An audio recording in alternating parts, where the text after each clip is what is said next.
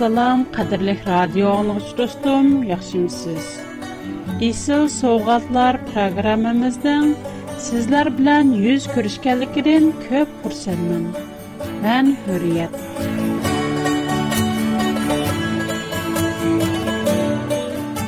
Qadirlik dostlarım, siz bəzidə kəlgüsüdən guman qılamsız. ki Allah bizni gumong'a tashlab qo'ymadi isil sovg'atlar programmasi sizga allohning so'zini tunishtirib qo'ydi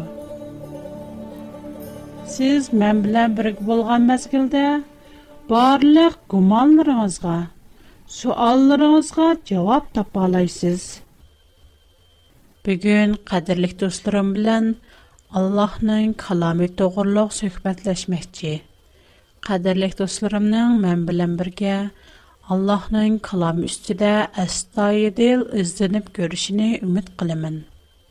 Quran-Kärim, Täwrat вә İncil хакында зади нимә дидо.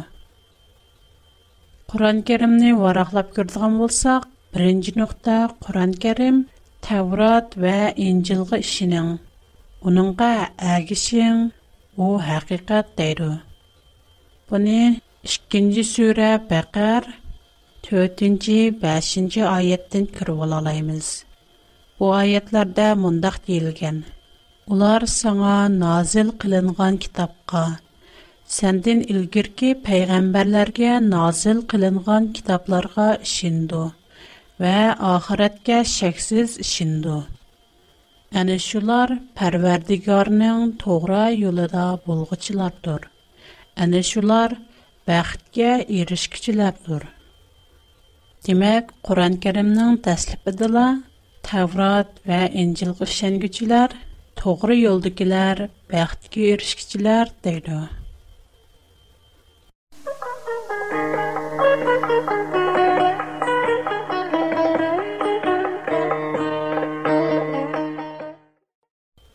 İkinci nokta Tevrat ve İncil toğra Həqiqət Sözümüzün dəlili sübtidə Qur'andakı tövəndəki ayətlərini görüb deyli. 3-cü surə Al-İmran 3-cü ayət İlgiri kişilərə yol göstərgiç qılıb Təvrat bilən İncilni nazil qılğan idi. 5-ci surə Maidə 68-ci ayət Ey Muhammed, etqin ki, Ey əhli kitab, sizlər Təvratqa, İncilğa və sizlərə Pərverdigarınlardan nazil qılınğan kitabqa tulluq əməl qılmığıca sizlər etibar qalğıdak dində bolmaysızlar. 47-ci ayət. Əhli İncillər Allah İncilda nazil qılğan əhkamlar boyunca hökm qılsın. Allah nazil kılgan аятлар bu içe hüküm kılmağallar pasıklardır. Mani bu ayetlerden Xuda insanlarga Tevrat və İncilni yol yuruq sübdədə düşürgən. Tevrat və İncil işəncilik. Onun bu içə hüküm qılmıqallar doğru yol deməz, pasiq deyildu. Yəni, Tevrat və İncilni hüquqluq, onlara əgişiş kirək, əməl qılış kirək, deydi. Yana 4-cü surə Nisa 136-cı ayətdən biz tövəndikilərini görürüz. Ey möminlər, Allahqa, Allahның peyğəmbərə və Allah onunğa nazil qılğan kitabqa və ilgiri Allah nazil qılğan kitablarga iman keltiringlər. Kimki Allahni, Allahның peyğəmbərini, kitablarını, peyğəmbərlərini və axirət gününü inkar qılır ikən, u qattiq ozğan buldu. Şundaq bu ayət birovning Tavrat və İncilğa işənmənligi, Qur'onğa işənmənligiga oxşaş yoqatdiq azğallıq dep hükm çıxırdı. 34-ci surə Səbə 30-ci ayət. Kəfirlər bu Qur'anğa və onun din ilgirki kitablara hər kəs şənməyimiz deyildi. Məkkəliklər mənumuşunda Qur'an din xəbərdar bolğandak Təvrat və İncildinmə xəbərdar bolğandak. 28 ші сүре қасас 49-нче аят. Әгер о у кітап китап тұр деген сөзіңларда расчел болдыған болсаңлар, о ике кітап қықарғанда Алла тарафыдан назыл болған техмо тоғыра бір кітап кәлдіріп бекңлар. Мән оныңға әгішей. 5-сүре Маида 43-аят. Уларның янында Аллаһның hükмүне үз içиге алган Таврот турса, қандақча сини hükм чыгарышка тәклиф кылды?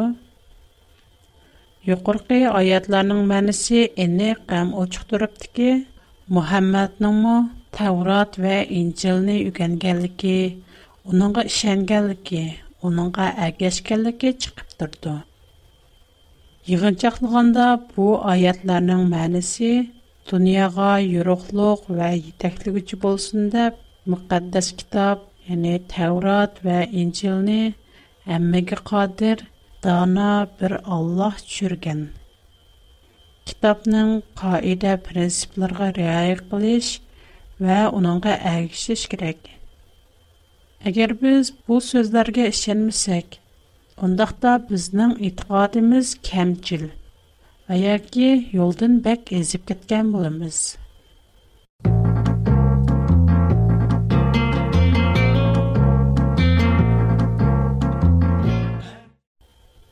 Амді біздің таврат билан инцил өзгертілген, бурмыланған диган сөзіміз гик келсек, Құран бу ахтан айти, чаллык, айти күшлік радияларна бірду. Алды белән Мәдинәдә язылган сүрләр, яни аталмыш аятларның бозылышы to'g'risida to'xtalib o'tayли. Bu ayətlər faqat bəzi bir Yahudilərə qartılğan. Tüvəni biz 3-cü surə Al-İmran 78-ci ayətni görüb baxsaq, onlardan bir türkümü kitabda olmagan nərsələrini sizlərinin kitabda bar ikən deb oylaşanlar üçün tillərini əgri bügri qılıb oxuydu və onu Allah tərəfindən nazil bolğan deydi. Ular bilib durub Allah namıdan yalğan oxuydu. Bu ayət Tevratın özgərtilgənliyini emas, bəlkə Tevratın naiti toğruluğunu isbatlaydı. Чөнки бу yerdə tilgə ilinğini kitabның özgərtilgənliyi emas, bəlkə bir türküm adamlarның oxuğan vaxtında xata tələffüz qılıb мәнісіне өз məqsədi üçün burmalığanlığını göstərir. Demək, onların qoldakı kitab dəl əslidəki Tevrat. 4-cü surə Nisa 46-cı ayət. Yahudilərinin içində kitabның sözlərini özgərt və dediqallar mı var? Onlar sözünü anladıq, boysunmuduq. Biz ki qulaq sal, biz sana qulaq salmayımız, deydu. Dinğa tənə qılış yüzüsüdən, raina digən sözünü, tillərini əgri qılıb etdudu. Əgər onlar anladıq və boysunduq, Леса улар өчен техомы яхшы, техомы тугыра була ди. Бу юқоркы мисалга охшаш, бер төркем адамларның телләренә әгъри бура кылып, хата таләффуз белән тәвратны укыватканлыгын күрсәтәләр. Буныңга 47нҗи аят мәсбут.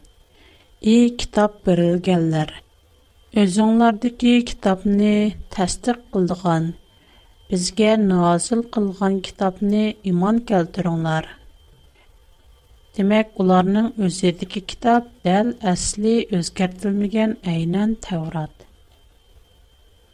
5-ci surə Maidə 13 ci ayətnamo yuxarı 2 ayətə oxşaşması mənisi var. Yena şu söýredigi 46-47-nji aýetler 10-nji sura Yunus 94-nji aýetler ma şuny isbatlaýar.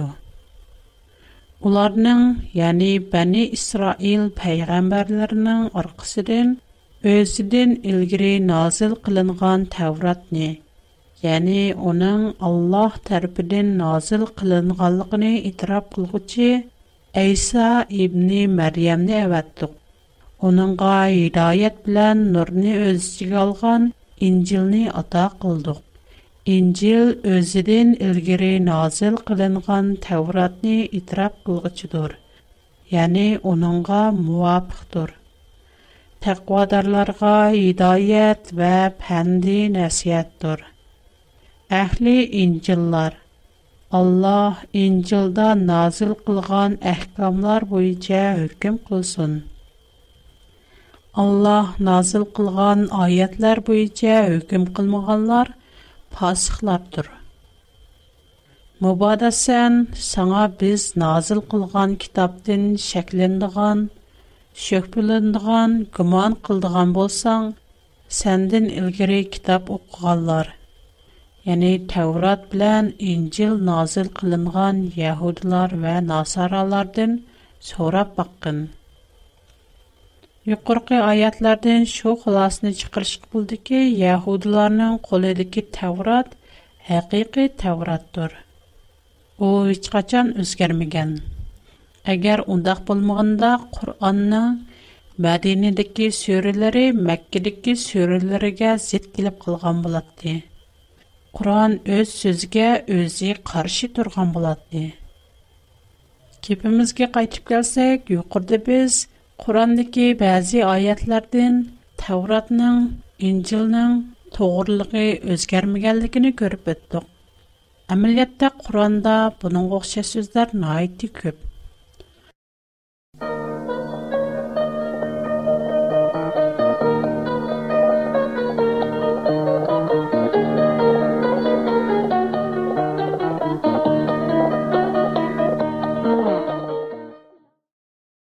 Yana qaraydigan bo'lsak, Qur'onda Allohning so'zi o'zgarmaydiganligi qayta-qayta takrorlangan. 18-sura Kayf 27-oyat. Ey Muhammad, sen Parvardigoringning kitobidan sanga vahiy qilinganni o'qigin.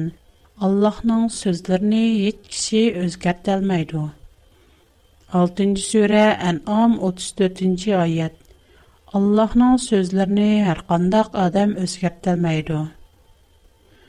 115-ci ayət Pərverdigarının sözü naiti rastdır, naiti doğrudur. Onun sözünü özgərtələydiğən heç kişi yoxdur. 10-cu surə Yunus 64-cü ayət Allah vədisgə xilaplıq qılmaydı. 48-ci surə Fətih 23-нче аят. Аллаһның юлында һеч кандак үзгәреш тап алмайсан. 15-нче сүре Hicr 9-нче аят. Qur'onni haqiqatan biz nozil qildik va chuqum uni qo'g'daymiz. Yuqorqi so'rlarga o'xshash, yana ko'plagan so'rlar Xudoning so'zi o'zgarmaydi deydi.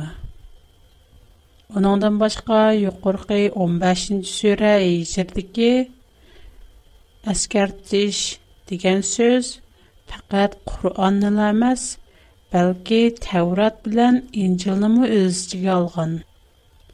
Masalan, Qur'ondagi bayonga qarab 21-ci surə Anbiya 7-ci ayət. Әгер bunu bilmirsənglər, əhli ilmdən Яни әхли әскәртиштен Таврот, Инҗилларны билдегәнләрдән сораңнар.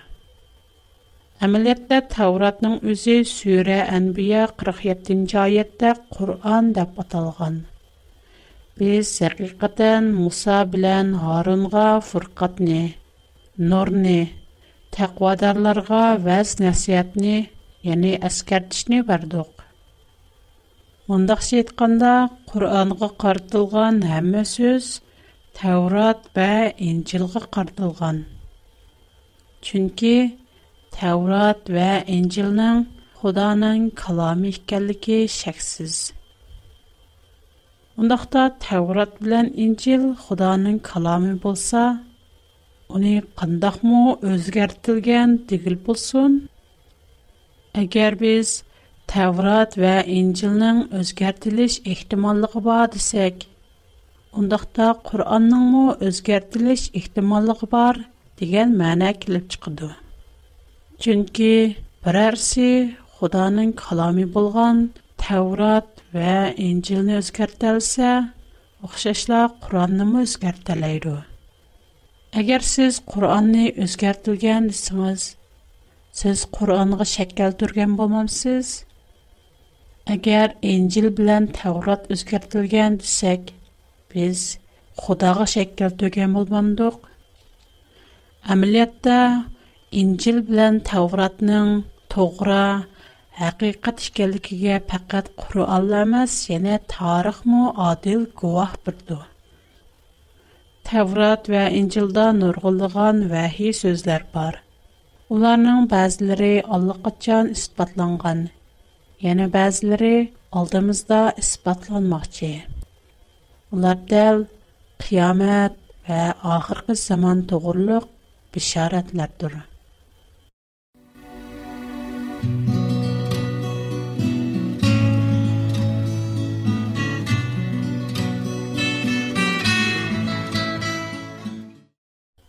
biz hozir mushu bishoratlarning isbotlanishini kutib turmoqdamiz 1948-йылы Таамира қабілісіні болған Мухаммад Ал Диб Бадави үлік деңіз бойда қойбе қатқанда бір өңкіріні байқыған.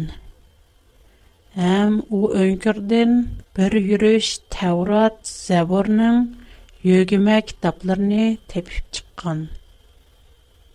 Оларның арысыда Ешая пайғамбарның bir butun kitobi bo'lib bu kitob aslida ayso masihning tug'ilishidan 700 yil ilgari yozilgan bu kitoblarning hammasi muqaddas kitobning to'g'ri ekanligi va o'zgarmaganligiga tog'dek guvoh bo'lib turdi chunki uning mazmuni hozirgi ishlatilayotgan ko'chirilma nusxalarga o'xshash Азыркы көп нұсқыларының бәзілері ислам диндин үлгірі езілған, бәзілері оның білән замандаш болған.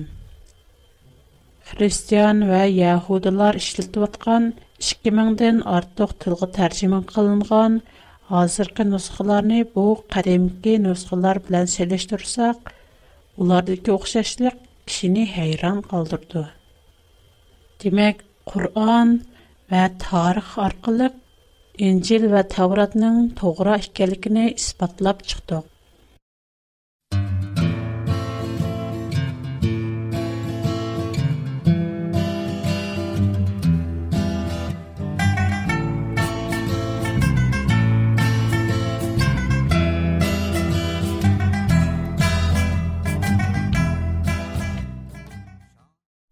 Qurandakı 3-cü nöqtə Qur'an Tevrat ve İncil'ni qoğdaydı.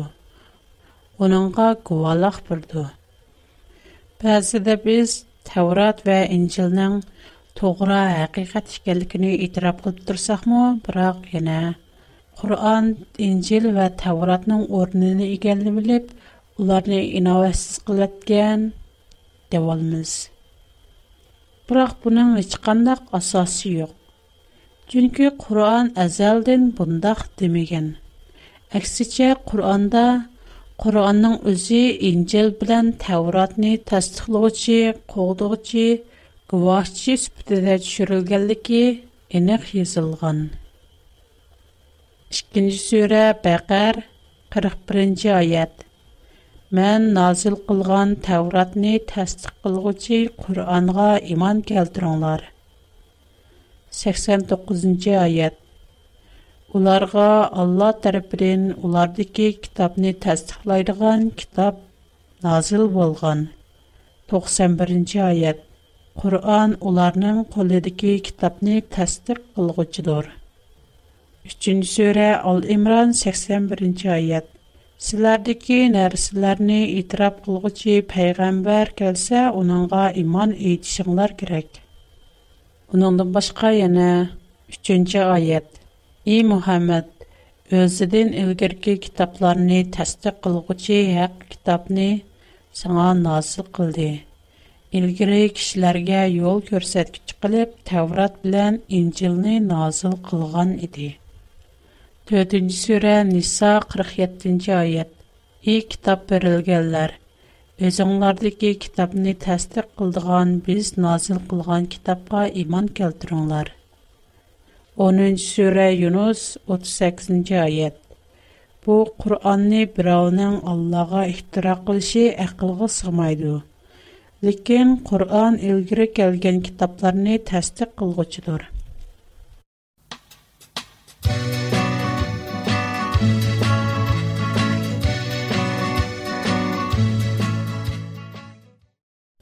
Оннандан башка без юқорда оқібөткән 5-нче сура Маида 46-47-нче аятлар. Шиндикла 48-нче аят.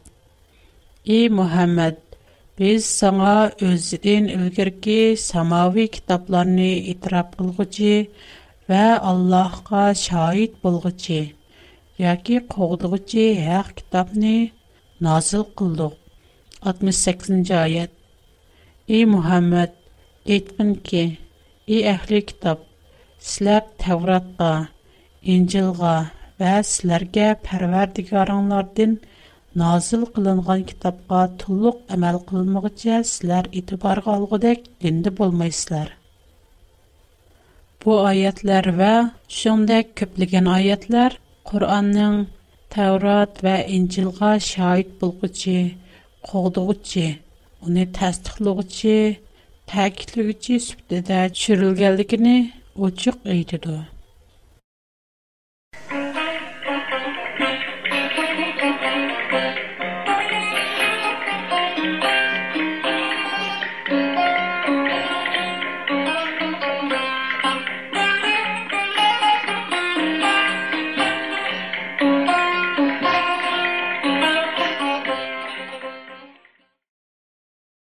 Құран ешқарчан өзінің Инжел вә Тауратның орныны еліш үшін кәлгелікіне етміған.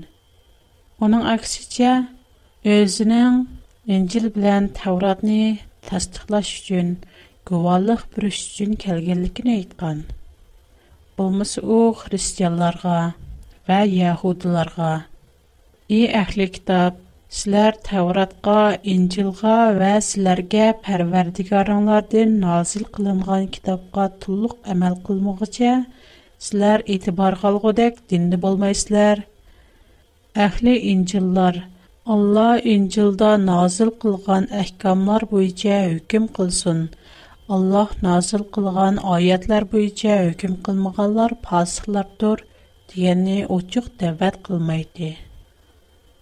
Яһудлар ва христианларга Таврот ва Инҗилнең әмер фәрманларыга әмәл кылышка тәсият кылмайды. Һәм мусламаннардан Инҗил белән Тавротка иман келтереп, уныңга ишенишне мо таләп кылмайды. Шуныңдәк Мөхәммәднең үзе мо Инҗил ва Тавротны үгенеп, уныңга әкешмәйди. Программа ахырда достумга адресимни deb bermoqchiman. Agar men bilan aloqalashishni xohlasangiz, qalam va qog'oz tayyorlab qo'ysangiz, programma oxirida adresimni xotirlab olasiz. Qur'on Tavrat bilan Injilni o'z ichiga olganligini hech qachon bayon qilmagan. Amaliyotda 26-sura Shuara 192 ayətdən 196-cı ayət kəcə Qur'an bunun əksini bayan qılğın. Həqiqətən Qur'an ilgirki kitabları da tılğı Bu yərdə tılğı ilinqın digən sözünü sözmü söz tərcüm qılsaq, düşənsək, onun mənisi işçidə var digəlik buldu. Şubu içi injil va tavrot qur'onni o'z ichiga oldi degan ma'no chiqadi demak qur'on injil bilan tavrotni qo'g'daydi uningga guvohlik burdi u yana tavrot bilan injilni o'z so'zining asosi qilishga intilgan ham o'zini tavrot va injil bilan tang o'ringa qo'ygan 28 sura qasas 49 oyatga qayta qarab boqaylik Əgər o iki kitab sehirdir degan sözünlərdə rastçıl bolduğan bolsanlar, o iki kitabqa qaraganda Allah tərəfindən nazil bolğan texmo toğra bir kitab keltirib baxınlar. Mən onunğa əgişəy. 46-cı surə Əhqaf 12-ci ayət. Qur'andan ilgiri Musa'nın kitabı əhli cihanğa peşiva və rəhmət idi. Bu ərəb dilindəki kitabdır. təsdiq qılğıcıdır. Şuna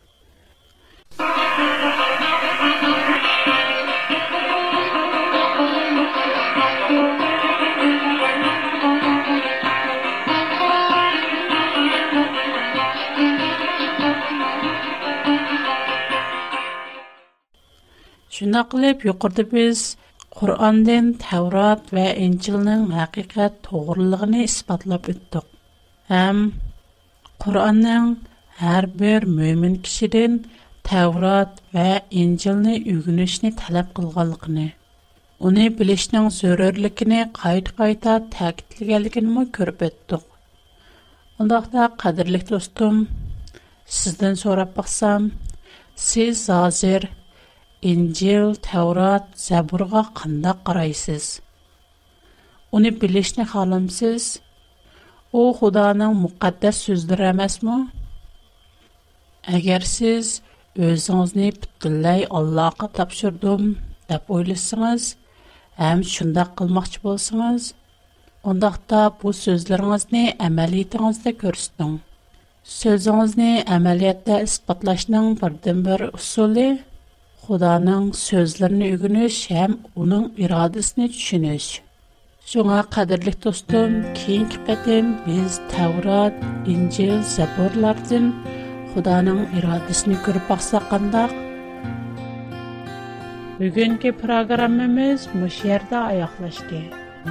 Минем тор адресим huriyet@bigfoot.com.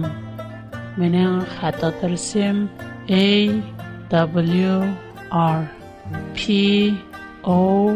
w 310 Hong Kong Meni hanzicha xatodirsim, Shangang Yujin Zongju Xishang 110-numur.